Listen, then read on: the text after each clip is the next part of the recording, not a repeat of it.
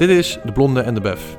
Een tweewekelijkse podcast met alledaags juridisch geneuzel voor ondernemers onder het genot van een biertje.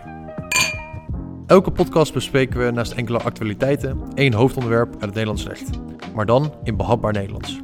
In De Blonde en de Bef gaan we het gesprek aan met een advocaat binnen het hoofdonderwerp van de aflevering. Door middel van een dialoog tussen een ondernemer en een advocaat proberen we alle perspectieven zo goed mogelijk te belichten. Naar een initiatief van Hallolex en VRT Advocaten om het recht weer een stuk toegankelijker te maken.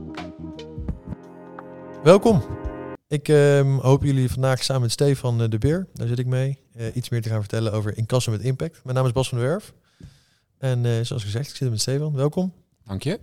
Ehm, Stefan, vertel. Incasso met impact. Ik heb op de website een blauwe knopje staan. Incassozaak uit handen geven, let's go. Wat gebeurt er dan? En wat gebeurt er dan? Dat is wel belangrijk hè, om te weten, om te vertellen. Wat zit hier achter die grote blauwe knop? Ja, achter die grote blauwe klop, eh, er zitten natuurlijk gewoon mensen die die incassozaak gaan oppakken. En wat wij concreet doen is een dossier aanmaken. Kun je volgen in het portaal, vorige keer over gehad hè, in de, de vorige podcast. Vordering wordt, en dat is wel belangrijk eh, om te melden, die vordering wordt verhoogd met de rente en incassokosten. En we gaan sommeren. Hoe wij dat doen hebben we de vorige keer ook over, eh, over gehad. Dus wij verhogen die, eh, die vordering met rente en incassokosten. En dan kan er een aantal dingen gebeuren. In veel gevallen betaalt de debiteur aan Mhm. ons niet alleen jouw factuur die niet betaald is, maar ook de rente en incassokosten. Klant heeft dan geen kosten gehad. De rente en incassokosten zijn voor VDT. En zou- de, de klant krijgt gewoon zijn factuur uitbetaald. Ja, die krijgt zijn factuur uitbetaald. en die heeft dat hele traject wat wij daarop hebben van toepassing, eh, hè, wel wat we hebben toegepast, kan die volgen.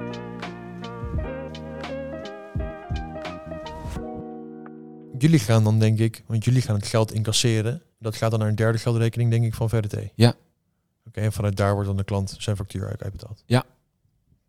Precies, ja, dat gaat naar de derde geldrekening. Wij maken factuur op naar de klant en vanuit die eh, derde geldrekening gaat het naar de klant toe. En de rente en de kassakosten die gaan naar onze kantoorrekening. Ja. En eh, nou, dat, dat is eh, in het veel voorkomende, meest gunstige geval, maar ik zou liegen als ik alle vorderingen zou incasseren. Dat, dat kan nou eenmaal niet.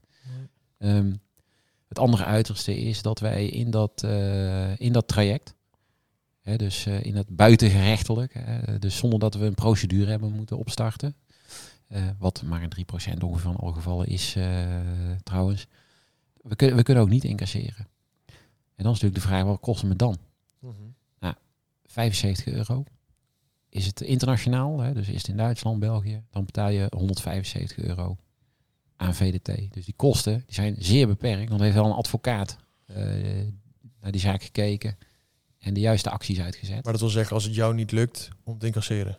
Ja. En als het jou niet lukt, dat wil ook zeggen van dat is iets wat we, wat je als met samen met je klant bepaalt. Ja. Als je dus niet gaat dagvaarden, bewijs van. Ja, ja, als je niet gaat dagvaarden, geen faillissement gaat aanvragen Ja. en het eh, advies of het verzoek van de klant is om hem dan maar te sluiten. Af, je af te romen of af. Afromen, de klant vraagt de BTW terug, wordt ook nog wel eens vergeten. Ja. Hè, dat is oninbaar, dus je kunt de BTW eh, terugvragen. En dat is dan een eh, pleister op de wonden. Maar eh, ja, het wordt wel vaak vergeten. Ja. Eh, en dan krijgen ze rekening van 75 euro. Maar goed, Ja, als dat het is. al, het, het- dat is het risico dat je loopt als klant. Dat is eigenlijk niks. Nul. Je loopt. Ja, dus er zijn peanuts bedragen als je kijkt naar de gemiddelde incassovordering die 5000 euro is. Hey, en op zo'n zo'n portaal, je zegt hè, als ik op die blauwe knop klik, dan eh, eh, kom ik in een soort van portaal, een dashboard. Ja.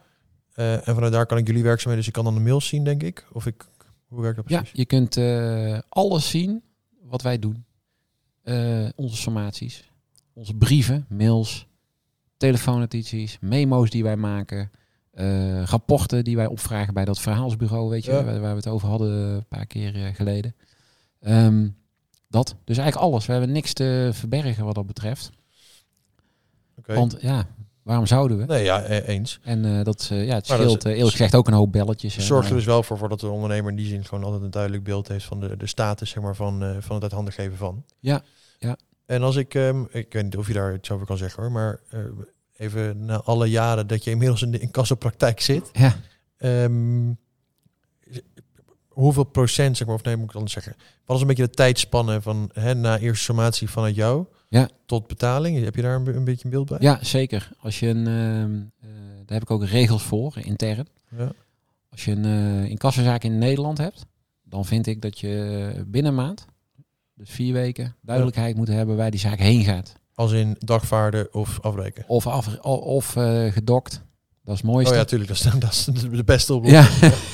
Ja. maar dat helemaal, vier weken, dus uh, daar kan ik inderdaad wel een concreet antwoord op geven. Dat moet ook lukken. Ja. Met vier weken. En heel, heel veel van de gevallen lukt dat, zeg maar? Ja, bijna allemaal. Ja, okay. Ik, ik uh, controleer daar dossiers ook op. Hè. Ik draai wel eens een lijst en ze kijken, nou, hoe lang loopt die? Oh, die loopt, uh, die loopt heel kort. Mooi. Hoe komt dat? Oh, die betaalt. Oh, die loopt uh, een week te lang. Kan een procesje optimaliseren. Ja. Ja. Ja, ja, ja, dat is natuurlijk altijd een, ja, het is, het is een uitgangspunt en dat werkt. En klanten die waarderen dat ook, die, die, die dat spreken ook zo uit, die verwachting richting de klant moet gewoon binnen een maand. Is het internationale kant wat langer uh, zijn, anderhalf, twee maanden, voordat je weet uh, waar die zaak uh, heen gaat. Top. Duidelijk. Thanks. Ik denk dat die, dat die mooi, mooi duidelijk zo is. Top. Ik weet het voldoende. Dankjewel, Dank je. Stefan. Dank je. Graag gedaan.